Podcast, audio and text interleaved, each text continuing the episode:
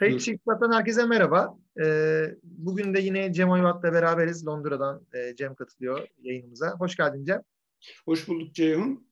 Ee, bugün biraz e, ekonomik büyüme konuşalım dedik yine. Neden ekonomik büyüme konuşalım? Çünkü bugün 1 Haziran 2021, dün 31 Mayıs 2021'de e, Türkiye İstatistik Kurumu TÜİK e, birinci çeyrek 2001, 2021 yılının birinci çeyreğiyle ilgili büyüme işte ve milli gelir e, istatistiklerini açıkladı. Ve hem e, 2020 yılından itibaren işte onun ilk çeyreğinin sonundan 2021'in ilk çeyreğine yıllık bazda büyüme rakamları elimizde var. Hem 2021 yılının ilk 3 ayının Ocak, Şubat, Mart'a tekabül eden ilk çeyreğinin büyüme rakamları elimizde var. E, burada tabii büyümenin kaynakları ile ilgili konuşabileceklerimiz var. E, geçen yılda yaptığımız karşılaştırmalarla ilgili konuşabileceklerimiz var. Ve tabii bir de öncelikle 2021 yılının devamı ile ilgili yani geri kalanı ile ilgili yapılan tahminler anlamında konuşabileceklerimiz var. Bunları konuşalım istiyoruz e, bugünkü yayında. Evet, istiyorsan e, büyüme rakamlarıyla başlayalım. Tabii ee, istatistiklerimize. İlk slaytta. Şimdi bu e, istiyorsan bu screen yapalım. Şimdi bu e, gayri safi yurt içi hasıla büyüme hızları kırmızıyla gösterilen çizgi bir önceki de, çeyreğe göre e, gayri safi yurt içi hasılanın değişim oranı e, maviyle gösterilense e, bir önceki yılın aynı çeyreğine göre e, değişim oranı. Yani yıllık. Maviyle gösterilen yıllık. Yani yıllık. Gösterilen evet. çeyreklik. E, ve bir önceki yılın aynı çeyreğine göre değişim oranı geçen e, beklentilerin biraz üzerinde yüzde yedi geldi. E, şimdi ne diyorsun Ceyhun bu rakamlarla ilgili istiyorsan yani sen beklentilerin bak. üzerinde çok demek belki de mümkün çünkü bildiğim kadarıyla tabii o beklentiler de biraz değişebiliyor. Kimlerin ortalamasını aldığına göre, kimlerin tahmininin ortalamasını aldığına göre. Dün öyle sosyal medyada da bir tartışma vardı. Beklentinin üzerinde mi, beklenti seviyesinde mi geldi diye. Beklenti bildiğim kadarıyla en azından banka e, ekonomistleri anlamında 6.7 civarındaydı yıllık büyüme. E, 7 geldi. İşte çok hafif üstünde hani belki eser miktarda üstünde diyebiliriz. Yani %10'un bile altında. Dolayısıyla çok da yani beklentiler seviyesinde demek mümkün yıllıkta. Ee, yani çeyreklik için bilmiyorum beklenti neydi ama çeyreklikte 1.3 o da yani sonuçta 3 aylık baktığımız zaman. Ee, yani burada asıl rakamdan ziyade şimdi aslında böyle bir rakam da bekleniyordu. Yani sonuçta beklenti seviyesinde olduğu için sürpriz bir rakam değil. Ne çok iyi ne çok kötü. Beklentiler düzeyinde bir rakam. Ee, bir ta, istatistik gelmiş. Şimdi tabii burada 2020 yılın yani bir de şey konuşuldu onu da belki söyleyebiliriz. İşte baz etkisi meselesi var mıydı yok muydu? Şimdi 2020'nin tabii Türkiye'de e, yani pandeminin etkilemeye başlaması 2020 yılında Mart ayının başları ortalarına doğru hatta işte bulmuştu. 12 Mart yanlış hatırlamıyorsam e, ya da 11 Mart Dünya Sağlık Örgütü'nün pandemi ilanının ertesinde ilk vakanın olduğu tarih Türkiye'de. Tabii Mart ayında etkisini göstermeye başladı Türkiye'de de pandemi. Geçen sene Mart ayında da o yüzden böyle bir e, ufak da olsa bir yavaşlama eğilimi söz konusuydu. Zaten onu da e, 2020 Mart'ındaki o çeyreklik 0.1 büyümeden görüyoruz aslında e, yavaşlamanın göstergesi olarak belki. Tabii gene bir evvelki yıla göre o zaman baz etkisi nedeniyle 4,5 gerçekleşmiş ama e, çeyreklikte aslında o gözüküyor birazcık. E, tabii o baz etkisi gene hafif de olsa kendini gösteriyor belki 2021 yılının ilk çeyreğinde. Fakat asıl etkisini, baz etkisi dediğimiz şey ikinci çeyrekte gösterecek. Bu baz etkisi nedir diye kısaca açacak olursak hani belki bizi takip eden lisans öğrencileri vesaire için e, sonuçta 2020 yılının ikinci çeyreğinde mesela da görüyoruz. Çok ciddi bir düşüş söz konusu. O düşüşten sonra zaten bir toparlama olduğunda o düşüşü baz aldığınızda o düşüşten itibaren ki verileri aldığınızda tabii ciddi bir pozitif artış olabiliyor. Yani baz etkisi de aslında bir nevi böyle e, ne bileyim topun dipten sekmesi gibi bir şey aslında. Evet yani Ama, mesela e, ikinci çeyrek diyoruz çünkü e, ikinci çeyrekte pandemideki kapanmalar nedeniyle iktisadi faaliyetler dibi görmüştü. Şimdi o seviyeye göre e, bu sene gelecek seviye daha fazla olacağı için büyüme çok daha yüksekmiş gibi görünecek. Evet, geçen seneki kapatma önlemlerine göre daha yumuşak kapatma önlemleri alındı bu ikinci çeyrekte. Şu an Nisan, Mayıs, Haziran aylarından bahsediyoruz. Tabii ki yine kapatma tedbirleri vardı belli dönemlerde ama daha azdı, daha gevşekti. Pek çok sektörün açılmasına izin veriliyor vesaire. Tabii ki onun bir zıplama etkisi olacak fakat e, üçüncü çeyrekten itibaren yani yılın ikinci yarısından itibaren, Temmuz'dan itibaren yani e, o baz etkisi yavaş yavaş yani yavaş yavaş kaybolacak aslında. İşte o zaman belki bir yavaşlama söz konusu da olabilir diye hatta işte o yavaşlamanın da söz konusu olabileceğine ilgili belli e, ön bulgular da var. Özellikle tüketici güveninde falan daha sonradan konuşacağız belki onları da. E, bir de kaldı ki yine bu büyümenin arkasında yatan işte sonuçta bu büyüme dediğimiz şey e, özel tüketimden gelebiliyor, kamu tüketiminden gelebiliyor, yatırımlardan gelebiliyor, net ihracattan gelebiliyor. Onların kompozisyonuna baktığımızda da e, özel tüketimde çeyreklikte bir yavaşlama gördüğümüzden hareketle aslında çok da henüz hani pandeminin etkilerini tamamen geride bıraktık ve pandemi öncesine döndük diyebileceğimiz bir noktada mıyız? Gerçi pandemi öncesi de Türkiye için çok parlak değildi büyüme açısından son birkaç yıl. Döndük diyebilecek miyiz? Ondan da emin değilim açıkçası. Yani baz etkisiyle ilgili birkaç şey söyleyeyim. Çünkü bu tartışılmış. Ee, bir önceki yılın birinci çeyreğinde yüzde dört buçuk büyüme var. Yani nasıl bez etkisi var burada gibi bir tartışma oldu. Ee, Şimdi bana göre şöyle, e, bir önceki yılın birinci çeyreğinde yeterince toparlanma olmamıştı. Yani yüzde 2.6'lık e, bir düşüşten sonra işte pandeminin de kısmen başlamasıyla büyüme e, bir önceki yıla göre geçen yıl 4,5 civarında olmuştu.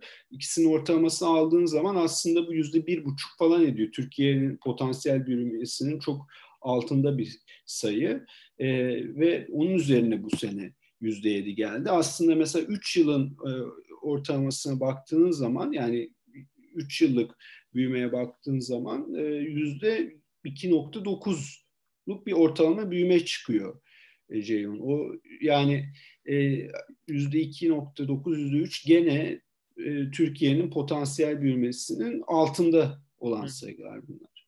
O anlamda bence baz etkisi var denilebilir. Geçen sene yeterince toparlanma olmadığı için. Onun dışında e, istiyorsan şeye geçelim. Yani büyümenin hangi kaynaktan, hangi sektörlerden olmuş diye bakalım. Şimdi e, iki sektör çok öne çıkıyor. Bir önceki e, e, çeyreklerde finans sektörü çok öne çıkmıştı kredi genişlemesi nedeniyle. Bu, e, bu sefer finans sektörü öne çıkmamış. İmalat sanayi e, genel olarak sanayi öne çıkmış. Bu kısmen kur şokundan e, kaynaklanıyor bana göre. Yani e, kur şokunun işte sanayi kısmen e, sanayinin kısmen rekabetçiliğini arttırması bir de herhalde e, Covid'in geçen seneki etkilerinin de e, kötü olması nedeniyle orada da belki baz etkisi olabilir.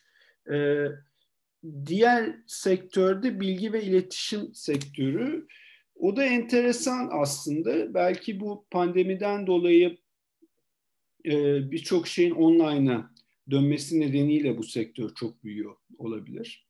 E, burada belki Türkiye adına hani Türkiye ekonomisi adına söylenebilecek ender olumlu gelişmelerden birisi. Mesela e, bilgisayar programcılığı sektörünün çok büyüyor olması. E, hizmet sektörü cirolarına baktığımız zaman işte Ocak'ta yüzde 38, Şubat'ta yüzde 41, e, Mart'ta yüzde 58 büyüme olmuş. Tabii bunlar enflasyonda arındırılmamış rakamlar. Yani enflasyonda arındırırsak herhalde e, yüzde 20, 25, 40 civarı büyüme oluyor diyebiliriz kabaca. E, yani bu bilgisayar programcılığında bir e, büyüme var. E, bu Tabii e, sadece bilgisayar programcılığı değil biraz orada hani teknoloji yönetim şirketleri falan da zannedersem içerisinde. Yani pandemi nedeniyle uzaktan çalışmaya geçildiğinde şirketlerin e, teknoloji yönetimine ihtiyaçları daha da arttı. Hı hı. Ee, evet, evet. Yani sadece hani böyle programlamayla yani programlama ihtiyacını karttı. O da içinde vardır eminim ki ama e, işte teknoloji teknoloji yönetim sektörü diye bir sektör daha böyle bir e, popülerleşmeye başladı. Yani ben geçtiğimiz yıllarda hiç radyoda teknoloji yönetim şirketlerinin veya teknoloji güvenlik şirketlerinin reklamlarını duymazken şu an sıklıkla duyuyorum. E, dolayısıyla e, hani o sektörün de bir e, ağırlık kazanmaya, yani onun etkisi olmuş olabilir. Çok ufak sektörler bunlar Türkiye ekonomisi. Evet evet yani toplam e, bu bilgi iletişimin gayri safi yurt dışı hasıladaki payı yüzde 3.3. Yani çok küçük. Yani başka büyüyen gene o C'nin içinde olan sektörler arasında işte yayıncılık, sinema filmi, yayıncılık gibi sektörler var. Gene geçen seneye göre e, ciro anlamında hızlı e, büyümüş olan sektörler. E, ama tabii Ceyhun yani asıl herhalde buradaki büyümeyi ittiren e, sanayi sektörü O. İletişim de şeyde var tabii. Orada bir de herhalde Turkcell ne bileyim ben firma isimleri de veriyoruz ama Vodafone'du, Türk Telekom'du vesaire onlar da içerisinde. Tabii tabii. onların da hani e, işte internete olan ihtiyacın artması ve Türkiye'de tabii internet altyapısının zayıflığı nedeniyle onların da karlarında ciddi bir artış olmuş olabilir ve tabii katma değerlerinde, ürettikleri katma değerde ciddi bir artış olabilir diyebiliriz herhalde. Telekomünikasyonun e, ciro artışları görece bu dediğim sektörlere göre biraz daha az olmuş ama. Hı hı. E, yani hani bu günün e, ruhuna baktığın zaman aslında bu tarz hani programcılık e, veya işte bu bilgisayar vesaire destek işlerini içeren şeylerin büyümesi de aslında normal. Çünkü bu sektörler çok hızlı bir şekilde büyüyor. İşte bir sürü şey şu anda online'a geçiyor. Biraz bunun da bir yansıması bence bu J'deki büyüme.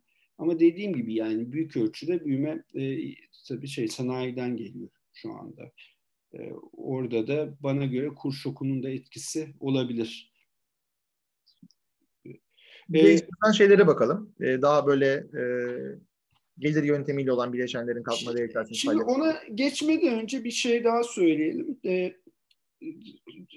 e, ha, ha, şeye göre baktığımız zaman yani e, tüketim, yatırım, e, kamu, harcamaları, ithalat, ihracat diye baktığımız zaman şeyi görüyoruz. Mesela yıllık büyümede e, şeyin kamu harcamalarının yüzde 1.3 sadece büyüme, büyüdüğünü görüyoruz. Yani büyümeye bilakis şey büyümenin tersine bir katkı. Hatta çeyreklikte düştüğünü görüyoruz. e, Yüzde bir. O da işin e, şey tarafı yani 2021'in ilk çeyreğinde tam aksine bir de düştüğünü de görüyoruz.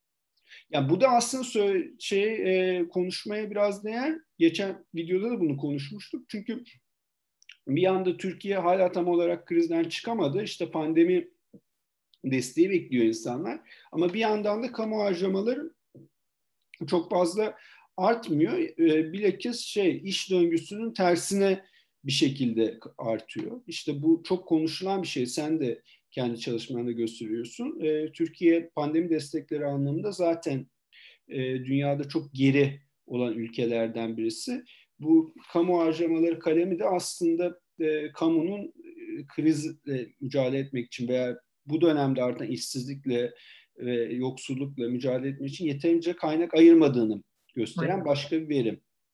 Yani evet ters döngüsel maliye politikası yapmıyoruz, yapamıyoruz ya da yapmıyoruz bilinçli olarak bilmiyorum ama yani aslında bilinçli olarak yapmıyoruz anlamı. Yapamıyoruzdan ziyade bilinçli olarak yapmıyoruz'a çıkıyor aslında orada olay. Çünkü hani 2021 yılının ilk çeyreğinde kamu harcamalarının yüzde bir düşmesi e, ve 2020'den şey yani yıllıkta da e, ortalama büyüme oranının alt, oldukça altında artıyor olması dolayısıyla aslında ortalamayı düşürüyor olması gerçekten ilginç bir bulgu. E, ilginç bir sonuç. Yani bu da yeterince gerçekten de kamunun harcamadığını tırnak içerisinde gösteriyor. Harcaması gereken zamanda yani bu zamanda da harcamayacaksa ne zaman harcayacak diye sorulabilir orada. İlginç olan bir noktada bu e, e, stok değişimleri ve e, istatistiksel hata paylarını içeren son kalemin. Yani normalde biz aynı hangi kalemlerle bakıyoruz? İşte normal e, harcama yoluyla gayri safi yurt içi hasıla tanımında e, özel tüketim harcamaları var, yatırım harcamaları var, kamu harcamaları var. Bir de net ihracat var. C artı I artı G artı X eksi M meşhur denklem e, iktisatta birinci sınıfta bile öğretilen makro iktisada giriş dersinde. Tabii bu tam direkt doğru- doğrudan gayri safi yurt içi hasılaya eşit olmuyor. İşte aradaki farkı da stok değişimleri ve e, istatistiksel noksan payı diye açıklıyoruz. O istatistiksel noksan payı ilginç bir şekilde yıllıkta e, yüzde bir buçuk, eksi yüzde bir buçuk e, bir fark yaratmış. E, dolayısıyla aslında hani Çok aslında. Tüketim, Yani- yatırım, kamu harcamaları ve net ihracatı topladığımızda aslında 8,5 civarında bir büyümeye ulaşıyoruz. Fakat işte stok ve istatistiksel hata payı da 1,5 aşağıya düşünce 7 civarına düşüyor. Çeyreklikte ise tam tersi pozitif bir etkisi var. Ee, bu da yani tabii ben şimdi detaylı milli gelir hesabı yapmaya yapma yani o, o araştırmayı yapan biri değilim. O yüzden hani bunun ne kadar anormal anomali gösterdiğini söyleyemeyeceğim ama o da aslında ilginç bir bulgu olarak öne çıkıyor. Onu vurgulamak lazım. Evet. Şimdi istersen gelire büyüme bakalım, evet. kimin için oldu sorusunda biraz cevap vermeye çalışayım. Çünkü Türkiye evet yüzde büyüdü ama bu büyümeden kim faydalandı diye baktığımızda e, şimdi iş gücüne yapılan ödemeler yani iş gücü ödemeleri kalemine baktığınız zaman iş gücüne yapılan toplam ödemelere baktığınız zaman e, enflasyondan arındırılmamış bir şekilde e, yüzde 16'lık bir büyüme var. E, geçen birinci çeyreğe göre. Yani enflasyon işte TÜFE'de, ortalama TÜFE'de birinci çeyrekte yüzde 15.6 civarında olmuş. Ee, ya aşağı yukarı iş gücü ödemelerine yapılan ödemelerdeki e, büyüme yüzde 0.4 sadece. Yani, e, çok aslında emek kesimine giden paradaki büyüme çok düşük. Ve buna zaten e, başka istatistikler de destekliyor. Mesela işsizlik oranı işte geçen 2020'nin e, Mart'ında işte 13.6 iken bu şu anda 13 yani bu dönemde 13.5'lere düşmüş ancak. E, saatlik kazanç e, endeksi işte gene 15.6 yani enflasyon, tüketici enflasyonu tam birebir aynı şekilde büyümüş. Tabi burada e, tüketici enflasyonunda doğru olduğunu kabul ediyoruz. Yani tüke, TÜFE'nin ne kadar doğru olduğu ile ilgili bir sürü tartışmalar var. Velev ki doğru e, aslında şunu da biliyoruz. Emek kesiminin enflasyonu e, normalden daha da fazla. Çünkü emek kesiminin enflasyonu işte gıda fiyatlarına mesela çok dayalı e, gıda fiyatları enflasyonu %15.6'nın da üzerinde. Yani belki bir e, çalışan kesim için bir sepet, daha doğrusu emek kesimi için bir sepet oluştursak belki iş gücü ödemelerinin reel olarak düştüğünü bile görebiliriz. Dolayısıyla şunu söyleyelim, yani bu büyüme e, emek kesiminden çok sermaye kesiminden yaramış. Zaten e, gelir yöntemiyle yapılan milli gelir hesabına göre de bunu net bir şekilde görebiliyoruz. Çünkü bakın e, 2020'nin birinci çeyreğinde yüzde 19 olan iş gücü ödemelerinin milli gelirdeki payı e, bir yıl sonra tabi burada biraz mevsimsellik de var. O, o aynı çeyreğe bakmakta fayda olduğunu düşünüyorum. 2021'in birinci çeyreğinde yüzde 35.5'e düşmüş. Yani yüzde 3.5 gibi çok büyük bir düşüş var ki bu e, emek payları geçen e, dün Erin Hoca da e, Twitter'daki tartışmamızda söylemiş. E, bu emek payları çok e, hızlı bir şekilde düşmez böyle normalde. Bu kadar büyük düşüşler aslında yani ya böyle askeri darbe sonrasında olan anormal olaylarda ya işte devalüasyon, ekonomik kriz zamanlarında olan e, düşüşler. E, pandemi zamanında da böyle bir düşüş görmüşüz. Yani evet bu sonuçta bir yılda yaklaşık %8 civarında bir düşüşe tekabül ediyor. 39'dan 35 buçuğa düşmesi. 8-9 e, civarı bir düşüşe tekabül ediyor ki tabii oldukça yüksek bir yıllık bir kısa zaman diliminde. Evet. Ben de o tartışmayı takip ettim Erinç Hoca ile. Yani fonksiyonel gelir dağılımının gerçekten olumsuz etkilediğini ortaya koyan bir tablo şu anda baktığımız. Aslında buna daha geniş çaplı belki bir programda konuşuruz. Daha geniş çaplı baktığımızda da e, çok uzun süredir yani bir beş yıldır falan e, orta kesimin yani orta gelir gruplarının gelirleri çok fazla artmıyor e, uzun süredir. Onu ayrıca tartışırız. Yani e, gelir dağılımında bir süredir bir e, bozulma var devam eden. E, ve aslında bunu bir başka grafikte de şurada görebiliriz. İstiyorsan bir sonrakine bak. Şimdi bu mesela tüketici güven endeksi ve reel kesim güven endeksini ben burada koydum. Ee, şimdi bu güven endeksleri yapılan anketlere dayalı belli sorular soruluyor. İşte tüketici güven endeksinde insanların harcama e, kapasiteleriyle ilgili, gelecekteki harcama beklentileriyle ilgili e, sorular var. Reel kesim güven endeksinde de işte aldıkları siparişler, gelecekle ilgili nasıl gördükleri, işte e, üretimi e, sorular var. Fakat tüketici güven endeksi de bir tüketicilerle yani daha çok sıradan vatandaşla yapılan e, bir anket. E, reel kesim bu imalat sanayi için olanı aldım sadece. E, güven endeksinde ise e, üst düzey yöneticilerle anket yapılıyor. Yani üst düzey yöneticilere gidiliyor, soruluyor ekonomik durum nasıldır diye. E, ona göre bir e, endeks oluşturuyor. Şeyi de söyleyelim, endekslerin tanımı gereği yüzün altında olması olumsuz bir gidişatı, olumsuz beklentiyi işaret ederken yüzün üstünde olması olumlu beklentiyi işaret ediyor. Tabii yüzün ne kadar üstünde olduğu veya yüzün ne kadar altında olduğu da e, o olumsuzluk veya olumluluk için bir gösterge, onun derecesini gösteriyor. Evet. İstiyorsan bunu bir tam ekrandan çıkaralım. Tam seyirciler de görsün bizden olayı görebiliyorlar mı acaba? Şu an bir dakika bakayım. Yani görülüyor olması lazım. Tamam bakalım. peki doğru tamam kalsın.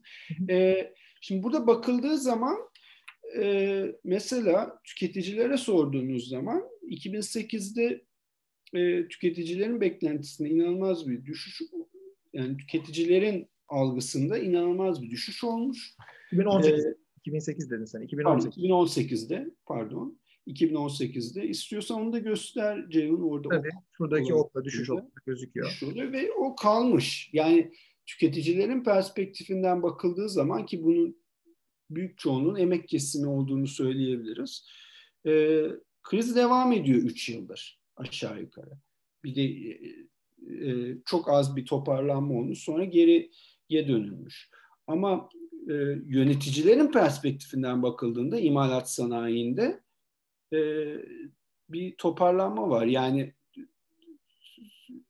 2008'den itibaren belki e, pandeminin ilk döneminde çok ciddi bir düşüş olmuş e, birkaç ay ama sonradan tekrar geri toparlanma var. Yani e, üreticilerin perspektifinden bakıldığında, daha sonra yöneticilerin perspektifinden bakıldığında imalat sanayinde biraz daha toparlanma. Tabii bu parakende sektörüne veya işte diğer hizmet sektörlerine baktığımız zaman bu kadar fazla toparlanma yok. Tabii e, bu da normal bir şey çünkü işte pandemi nedeniyle dükkanlar açılıyor, kapanıyor. E, inşaatta da hani bu kadar iyi bir toparlanma yok ama gene görece bir toparlanma var gibi. Fakat hakikaten bu e, algılardaki ayrım da aslında Türkiye'de belli bir kesim için hala krizin çok uzun süredir devam ettiği, e, belli bir kesimin ise krizden e, çıktığını gösteriyor. Yani son dönemdeki büyümenin sadece e, sermaye kesimi diyebileceğimiz kesimin ve onun da hatta daha çok işte imalat sanayinde faaliyet gösteren kısmının e, kısmı için olduğunu görüyoruz. E, diğer taraftan e, sıradan sokaktaki vatandaş için kriz çok uzun süredir devam ediyor.